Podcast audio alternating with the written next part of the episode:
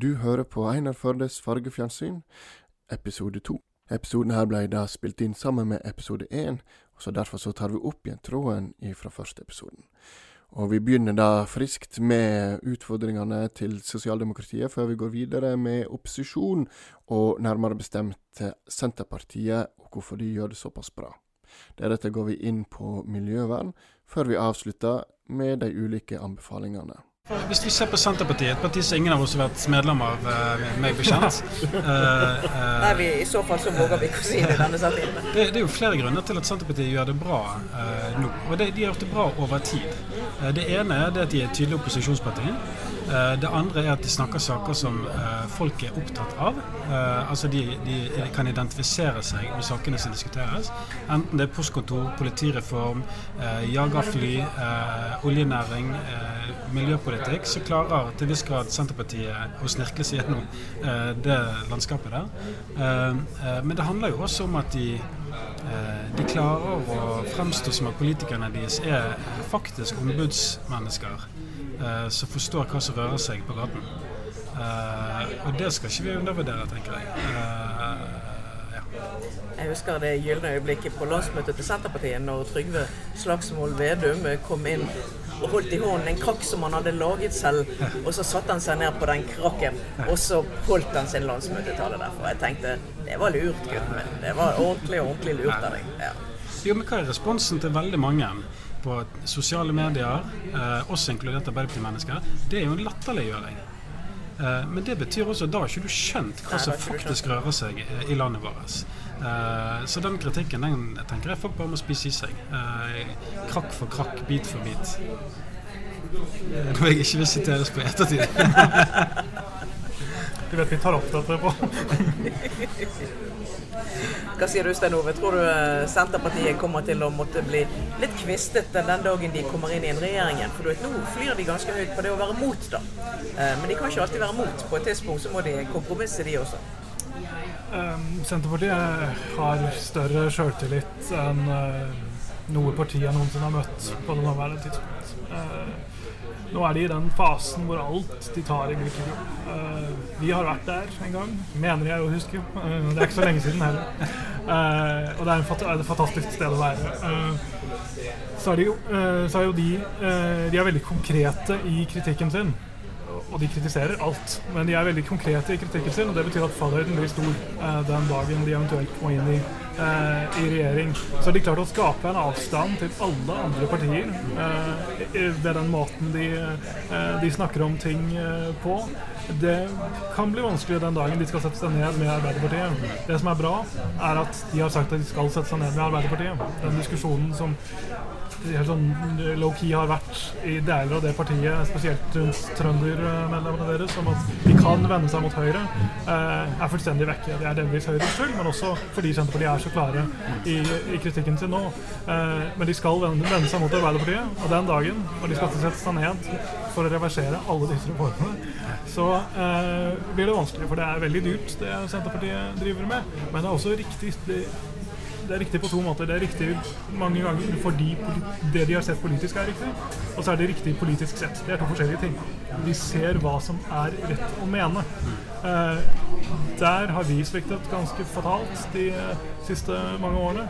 Eh, men Senterpartiet Dette kan ikke det kan ikke vare evig at de er på eh, dette nivået, tror jeg. Eh, kommer eventuelt komme tilbake og arrestere meg eh, om, noen, eh, om noen år. Eh, men de skal i hvert fall, en ting de skal passe for, er å skape så stor distanse som de nå gjør til, til Arbeiderpartiet, men spesielt til de partiene vi naturligvis skal samarbeide med, sånn som SV. Når de går ut nå høye på seg sjøl og sier at de ikke nødvendigvis ser det som naturlig å samarbeide med SV, så har de store problemer. For det blir ikke noe flertall uten dem. Eh, og eh, SV har tidligere vist at de er i stand til å regjere sammen med Senterpartiet. Ingenting har forandret seg som gjør at det skal bli vanskeligere denne gangen, annet enn at Senterpartiet har blitt veldig mye større. Så det du sier er at en skigar kan ikke vare evig, rett og slett, eh, selv i Senterpartiet. Men vel, det vil jo, det vil jo vise seg. Men, uh, men Tøygar, eh, oss småbarnspappaer imellom, eh, hva er det som gjør at, at du velger Arbeiderpartiet fremfor Senterpartiet?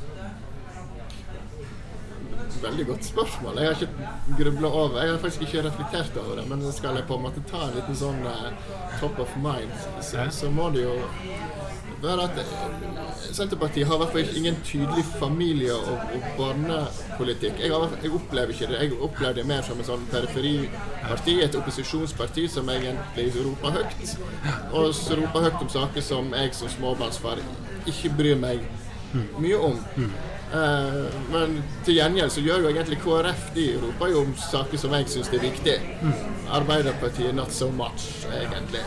Men eh, til gjengjeld så snakker jo Arbeiderpartiet om om, ja, om, styring av landet. altså De, de store sakene som jeg òg er opptatt av. Og pluss at uh, velferd og, og, de tingene der. Men nå er vi tilbake til, til, Senterpartiet. Så jeg klarer ikke å se dem som et, et parti som tar meg som familiefar i, i Forsvaret, eller snakker min sak. Hva tenker du? Nei, jeg tror jeg, jeg, tror jeg er enig. Fordi at jeg tror Senterpartiet er flink på å eh, flink på å formulere budskap som treffer eh, folk som har lyst til å opponere mot endring, på en måte. De, de, er gode på å være imot i Senterpartiet. Ja, ja, ja. Mens for Tøger og min sin del eh, Tøger er jo eh, utdannet uh, lærer, har jobbet mange år i, i skole i Bergen også. sant? Vi har barnehagebarn, vi har barn som skal idrett, gå på skole. Vi er også opptatt av lokalsamfunn, sånn som Senterpartiet, men helt tydelig med litt annen inngang. da. og da er det jo sosialdemokratiet, Arbeiderpartiet, som gir oss de svarene i det store spennet vi fire rundt bordet lever i. Hvis jeg husker nå tilbake i, i rett før valget, så, så, vant altså AUF samtlige skolevalg i alle fylkene i Norge. Så jeg tenker fremtiden, folkens, eh, den ser jaggu ikke så verst ut der. Fremtiden er jo ungdommen. altså liksom Mer enn på en måte bare sånn festtaleaktig, så er jo faktisk fremtiden til, fremtiden til Arbeiderpartiet det er ungdommen. Så hvis Arbeiderpartiet nå i sine fremtidsscenarioer klarer å invitere den eh, stemmen inn i diskusjonen om eh, hva sosialdemokratiet skal være i det 21. århundre, som er et veldig pompøst og stort spørsmål, mens man likevel Arbeiderpartiet må diskutere, så tror jeg at man vil få noen veldig interessante eh, svar. Eh, og som vil være med på å justere kursen til, eh, kursen til Arbeiderpartiet. Fordi at jeg vet ikke, altså, eh, det er liksom i, i sak etter sak, fra skanse til skanse, drives Arbeiderpartiet og ledelsen i forskjellige retninger. Enten det er metoo-varsler, håndtering av interne problemer i partiledelsen, eller om det er politiske saker. Eh, så syns jeg liksom ikke at du ser en sånn klar konsistens eh, i at vi vet hvordan vi skal håndtere det, og vi har en klar plan på at når vi har tatt en beslutning, så har vi tatt en beslutning, og da står vi på en måte bak det. og det, det, merker folk seg. Det merker partimedlemmer seg, det merker grasroten seg, det merker velgerne seg. Uh, jeg tror mange egentlig bare venter på at venter på at ledelsen vår skal komme inn til de ledestjernene de skal være. Og så vise oss en vei ut av uføret. Og i det øyeblikket dagens ledelse eller noen går inn og tar den arenaen, der tror jeg partiet bare Der drar i den retningen. Men du må begynne helt på grasrotnivå. Du må begynne i lokallagene. Du må begynne med samtaler rundt kafébordet. Så må vi begynne å preike. Hva er sosialdemokratiet? Hva er det nå, hva vil vi at det skal være for fremtiden? Det er en kjempespennende diskusjon. Og det er det, som virkelig setter i gang folk til å begynne å preike. Slutt å snakke om stakittgjerder og eh, møner, møner på tak og eh, fortau og fotgjengerfelt. Altså, det, det er viktig, det også. Men løfte diskusjonen opp her i fullperspektiv. Eh, og prøve å se på sosialdemokratiet et større bilde. Uh, det er en diskusjon jeg ikke til nå har møtt en eneste person som ikke har lyst til å være med og ta. Uh, og klarer man på en måte å skape den diskusjonen fra grasroten, uh, så håper jeg at det kan bli en skubb opp til noe større. Ja, for det er noe med, med det at man skal ta den store diskusjonen. Fordi at jeg oppfatter at folk flest er veldig ute etter mening. De ønsker seg mening og innhold. Og der passer den diskusjonen vår veldig godt inn i det. Også. Eh, hvis vi skal gi mennesker en ramme rundt livene deres. Det var jo ekstremt pompøst å si, da, men la oss være det. Er en, eh, det er en, viktig premiss. Altså jeg tenker jo at uh, vi er nødt til å begynne med å erkjenne hvordan vi har havnet i den situasjonen vi har havnet i. Altså med dårlig stortingsvalg, dårlig kommunevalg. Um, så kan man så klart peke i retning Europa og si at ja, men sosialdemokratiet stuper. Nå ja. Altså forrige kommunevalg så gikk jo sosialdemokratene markant frem. Eh, spesielt i storbyene i Norge. Sånn at eh, Det er nå en sannhet med modifikasjoner. Men det er en ting som har slått meg. Eh, hvis dere husker den serien som gikk på NRK som het 'Da vi styrte landet'. hvor de forskjellige tidligere statsministrene møttes rundt et bord og diskuterte når de hadde hatt sin styringsperiode. når det var tid for at Jens Stoltenberg skulle til pers og snakke om sin statsministertid, så sa Torbjørn Jagland noe. Han sa i en tid med formidabel vekst for landet vårt og for samfunnet vårt, så har likevel de sosiale forskjellene bare økt. Det har skjedd under Arbeiderpartistyret også. Vi har eh, hatt åtte år med eh, Arbeiderpartiet ved makten eh, i en rød-grønt eh, konstellasjon, hvor eh, veksten var formidabel. Riktignok finanskrise i en periode av det, men det var likevel vekst i samfunnsøkonomien vår. Men ulikhetene er likevel økte. Ergo har vi sjøl et ansvar for Eh, den samfunnsutviklingen vi ser. Det tenker jeg det er en problemstilling vi ikke adresserer godt nok eh, i det hele tatt. Eh, og Det handler om å begynne med å kjenne hvor står vi, hvor skal vi, men hva har vi gjort også i den tiden vi faktisk eh, styrte. Eh, de to, ja, hvis vi begynner med de to siste tiårene før oss. Tøger, hva tenker du om, eh, om dette?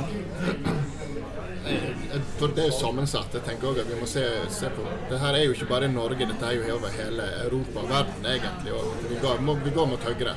Eh, og da forlater en på en måte sosialdemokratisk tankegang. Så vi ser jo òg at det er høyrepopulister rundt om i, med Trump, f.eks. Hellas, eh, Polen. Eh, ser framvekster i eh, Frankrike, Tyskland ikke minst. Altså det, det, det er liksom en, en samfunnstrend på mange måter. Men det kan jo ikke alene forklare det, for vi lever jo på en måte en slags boble her oppe òg. Så, så, om vi da skal trekke det ned til lokale eh, forhold, så, så ja, Det er nok komplisert, men jeg tenker òg at jeg, jeg, tror ikke vi har disse de store kampsakene som, som som treffer. Rett og slett, jeg tror ikke vi treffer. Eh, og eh, at vi, vi, klarer på en måte ikke å overbevise velgerne om at her er det Vi har noe å tilby, vi har noe å, å, å bidra med. Og at vi, den politikken vi står for, vil være best for folk flest, holdt jeg på å si. Men det er jo noen andre sitt eh, slagord. Beklager det. Men, men at det, det, det, må være en vi, vi, vi, når ikke ut med budskapet vårt. Vi når ikke ut med politikken, og vi klarer ikke å forklare, å forklare velgerne at jo, det vi kan tilby, det er at egentlig så vil du få det bedre ved at alle får det bedre. Da er vi jo litt inne på miljøvern igjen, da, som den store saken. tenker jeg At, den, eh, at Arbeiderpartiet er en, egentlig en enorm enorm institusjon. Altså det, den, er, den er tungrodd.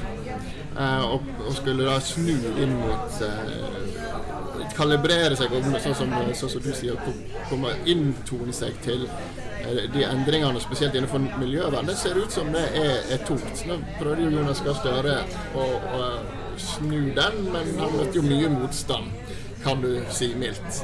Så, så det er jo på når vi da er der at vi vet at her er miljø spørsmålet. Det er viktig for hvert fall store deler av befolkningen, men det er helst for de som, sånne som oss som bor i byen. da. Eh, det, det vi som syns at det spørsmålet er mest interessant, eh, eller viktig. Så går vi ut på bygda, der det er gjerne andre ting. og Der har vi jo Senterpartiet som, som bokser seg stort, hvis vi skal ta en liten kjapp, eh, kort analyse. Men skal, min personlige antakelse er at det er miljøvern som gjør at vi, vi lekker veldig mye mot, uh, mot, MDG spesielt. Og det er miljøsaken som gjør at vi lekker. Jeg tror du har veldig rett i det du sier om at eh, her, her er vi veldig delt i forhold til by og land. Som har veldig, veldig ulike utfordringer i klima- og miljøpolitikken. I, I, byene så er det litt sånn eh, at uh, du kan løse mye ved en bysykkel, og det, og det er flott. Det er et kjempebra tiltak. Mm. Utrolig bra. Men så sitter der uh, folk som har uh, en halvtime å kjøre til jobb hver dag, og som ikke kan klare seg uten den bilen. Og så må du på en måte få dette til å henge sammen. Mm. og så har du også et skille som har uttegnet seg her mellom deler av fagbevegelsen og, og, og miljøbevegelsen, som har røket litt i tottene på hverandre. Eh, når uh, f.eks. Fellesforbundet, delvis Industri og Energi, som organiserer oljearbeidere, eh, føler at noen prøver å, å, ta fra de arbeidsplassene deres. Eh, og så prøver de å si at men ny industri den ble født på skuldrene av gammel industri. Eh, det er deres eh, mantra. ikke sant? Og så kommer MDG og sier nei, vi skal stenge den oljeletingen før 2030. Og det er ikke lett for Arbeiderpartiet å ha utestemmen til den ene og den andre i øret, eh, og skal prøve å, å lande et kompromiss eh, som alle kan leve med her. Også. Nei, det er sant. Og vi lever jo i en tid sant, hvor man på ene måten diskuterer flyskam. Uh, oljearbeidere som nå mener at det er en oljeskam. Uh, du har kjøttskam. jeg vet ikke hva andre typer skam Vi kan lage en egen skampodkast på et ja, det, det er veldig. Men, men, det som Jeg har en sånn liten faktaopplysning da, som en bekjent av meg knakk ned til meg. Da. Det, det var det at i oljefondet så nærmer vi oss nå 10 000 milliarder kroner. Uh, og Vi kan jo i fremtiden håpe på en moderat uh, avkastning på f.eks. 3% i året. Uh, og Det er jo det samme som handlingsregelen i dag. og Da har vi jo en evig garanti på 300 milliarder kroner ekstra til statsbudsjettet hvert eneste år. Uavhengig av om vi tjener noe i Nordsjøen eller ei. men da gjenstår det jo bare ett lite problem før vi kan legge ned oljeindustrien. Og det er at Hver av jobbene i den bransjen krever nesten to nye årsverk på land for å være like verdifulle. Eh, og Det er jo kjernen i problemstillingen. Eh, og det må Arbeiderpartiet klare å få litt svar på. Eh, og der er vi ikke i dag. Vi har en næring som oljenæringen og vi kan være enige om at det er mange miljøløsninger vi skal prøve å kjempe frem i tillegg til, til den, så er det jo sånn at den leverer eh, den har en skatteprosent på 78 eh, De skatter, de leverer helt enormt mye penger inn til, eh, inn til statsbudsjettet. Og det er, ikke, det er ingen næringer i dag som er i stand til å til å matche det. Altså. Nei, altså du skal selge ganske mye tang og tare ja. og ullsokker eh, for å klare å, å leve opp til, til det. Eh, men samtidig så tenker jeg at eh, vi presses nå til å altså vi, vi tvinges nå inn eh, i et rom hvor vi må ta en beslutning omkring eh, hvordan vi skal forholde oss til det. Vi kan ikke, sånn som vi gjorde ved forrige landsmøte til Arbeiderpartiet, snuble inn i en diskusjon om oljeutvinning i Lofoten og Vesterålen, eh, eh, hvor eh, plutselig partilederen eh, underveis i landsmøtet gjør en fullstendig kuvending fordi han skjønner at kompromisset hans Eh, er på vei til å tape. Altså, eh, sånne måter å jobbe frem politikk på gjør at eh, vi som parti taper ansiktet overfor velgerne våre. Så vi virker ikke veldig troverdige.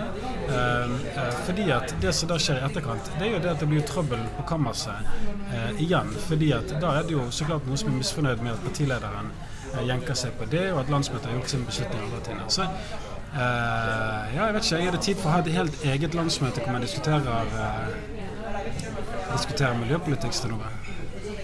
Det som jeg, jeg, tenkte, jeg hører det spørsmålet, jeg tenkte å svare på noe helt annet. Med seg, Her har du full kunstnerisk frihet. Det som, eh, det som, jo har vært diskutert i Arbeiderpartiet, er om man skal eh, skaffe seg et prinsipprogram. For det har man jo ikke hatt. Eh, det har man ikke oppdatert i Arbeiderpartiet siden La oss bare konservativt anslå tidenes morgen. Det er i hvert fall forferdelig lenge siden. Ja, prinsipper er jo ikke dumt å ha. Og det, det er en diskusjon som, som jeg tror Arbeiderpartiet må ta. Altså, vi står nå på, i ferd med å gå inn i, i 2020, og vi har et prinsipprogram fra, som fort kan være 50, 50 år gammelt. Det er et parti har, og et samfunn som har forandret seg voldsomt. Eh, og Det er der man har muligheten ved siden av landsmøtet til å eh, diskutere de eh, store ideologiske eh, spørsmålene. Hvor, er, hvor, partiet står, hvor partiet eh, skal eh, i fremtiden. Og eh, det er ikke noen universalnøkkel som løser alle Arbeiderpartiets problem, at lokalforeninger rundt om i landet setter seg ned og diskuterer prinsipper. Men, men jeg tror det kan være en, en, en nyttig ting framover, fordi Arbeiderpartiet er så hva skal vi si, toneforvirret. Altså, vi, vi vet ikke vi, vi vet aldri fra dag til dag hva som er det naturlige eh, å mene. Eh, og i sånne situasjoner så er noe sånn internmedisinsk som et prinsipprogram noe eh, som man kan, eh, kan, lene seg på. Det har absolutt ingenting med det du spurte om, som jeg eh, advarte om eh, i, utgangspunktet. utgangspunkt. Politikersvar. Det, det, er det jo, selvfølgelig. men så er det jo også det er, veldig, det er, vel bare Pål av oss her som vi kan si er politiker, fordi han er valgt eh, til, eh, til, noe. Men jeg tror heller ikke Pål oppfatter seg sjøl som, eh, som, politiker. Eh, og det er jo liksom eh, Det vi sitter her eh, og gjør, er jo å diskutere, å diskutere hva som hva som skal være definerende for politikken til eh, Arbeiderpartiet. Og det er noen ting man ikke eh, kommer, kommer, utenom. Og miljøet er det mest sentrale problemområdet for Arbeiderpartiet eh, framover. Men Arbeiderpartiet har jo vist en stor vilje synes jeg, til å ta den debatten. Så får vi se hvorvidt de klarer å lande den, eller ikke klarer å lande den på en, eh, på en god nok måte. Som sagt, de har mange høye utestemmer i ørene sine, så det er ikke, det er ikke en enkel jobb, dette her. Et av de faste innslagene i denne podkasten eh, som vi har, er jo dette med at vi kommer med gode anbefalinger. Vi er eh, ja, samfunnsinteresserte mennesker, åpenbart. Eh, vi engasjerer oss i mye rart. Og vi har lyst til å dele med dere noen av de mest interessante, kjekke tingene vi enten hører på, leser, har spist, hva det nå måtte være. Eh, og da er vi klar for ukens runde med gode anbefalinger. Hvem eh, vil starte? Jeg kan, eh, jeg kan begynne. Stein Ove, slå deg løs. Jeg har tenkt å anbefale en film som jeg må vedgå at jeg ikke akkurat nå har sjekket om faktisk finnes på Netflix, men det tror jeg den gjør. Den heter 'Sorry to Bother You', som er en uh, svart komedie fra, uh, som gikk på kino i uh, fjor, som handler om en som handler om en ung mann som havner i en arbeidskonflikt på, på jobben sin. Dette er en veldig fagforeningsvennlig uh, uh, vennlig, uh, film, som også er en interessant kommentar om hvordan afroamerikanere eh, må eh, det som heter code switche, altså tilpasse seg situasjoner eh, hvor de skal fremstå så lite truende som mulig i hvite menneskers øyne. den den vil ikke være for alle, for den er voldsomt idérik og spenner ut i mange forskjellige retninger. men den, er, den, har positive ting å si om fagforeninger. Jeg syns den er veldig morsom. Den har lassevis av ideer, og den er veldig godt spilt. kudos også til Army Hammer, kjent fra The Social Network og Call Me By Your Name, som spiller fullstendig på tvers av det man har sett ham gjøre tidligere. Det er Sorry to Bother You. Minn meg på en ting, Stein Ove Lien, at jeg aldri uh, treffer deg sånn i duell i en quiz om populærkultur. Jeg kommer til å tape så det smeller. Det tror jeg vi kan glatt si. Men Pål, jeg ser du har, har, noe lurt på gang. Ja, ja, jeg har to veldig korte anbefalinger. Det ene er eh, noe jeg anbefaler folk å følge på sosiale medier. Eh, det er Papillon eh, Bergen. en organisasjon som ble opprettet i 2016. Eh, som nettopp vant Jenteprisen. Og Målet deres er å bidra til at unge mennesker blir bevisste på sin rett til å bestemme over eget liv, og styrke dem til å stå i egne valg. veldig spennende å følge dem på sosiale medier som Instagram, Facebook. Anbefales på det sterkeste. Den andre anbefalingen min det er en serie som går på Netflix.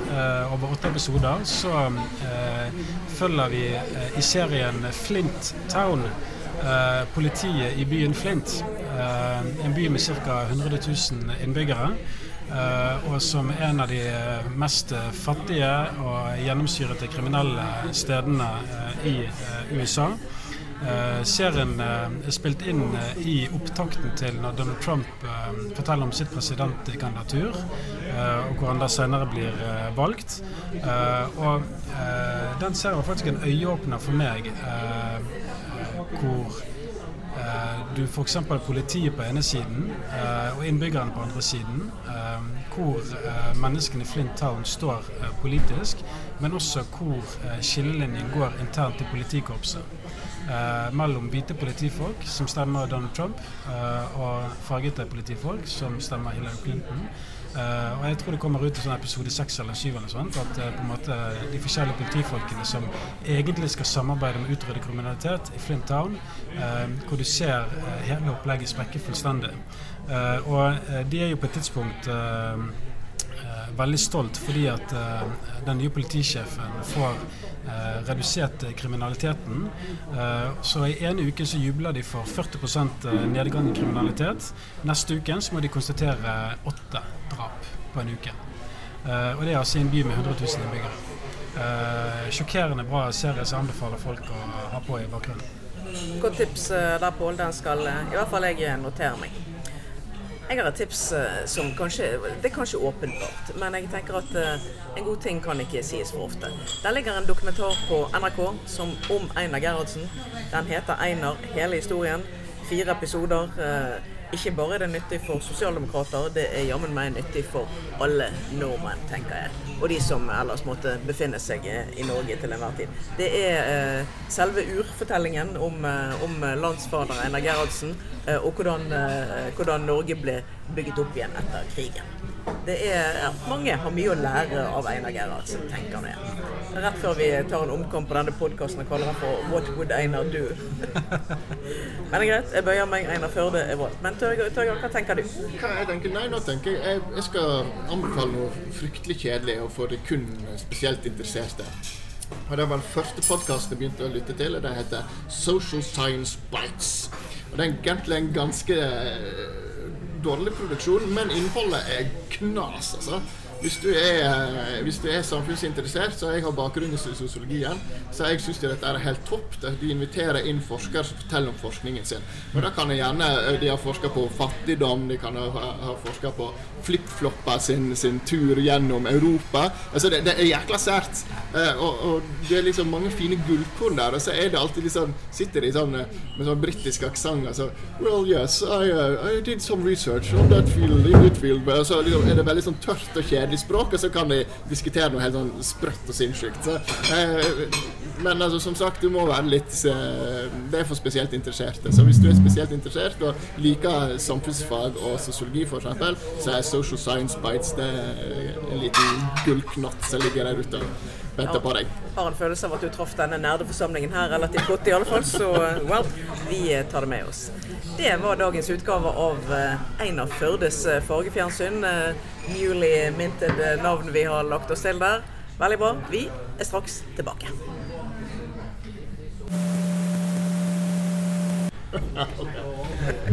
Jeg tenker denne podkasten er vedtatt med akklamasjon. Men da er vi Da bare setter jeg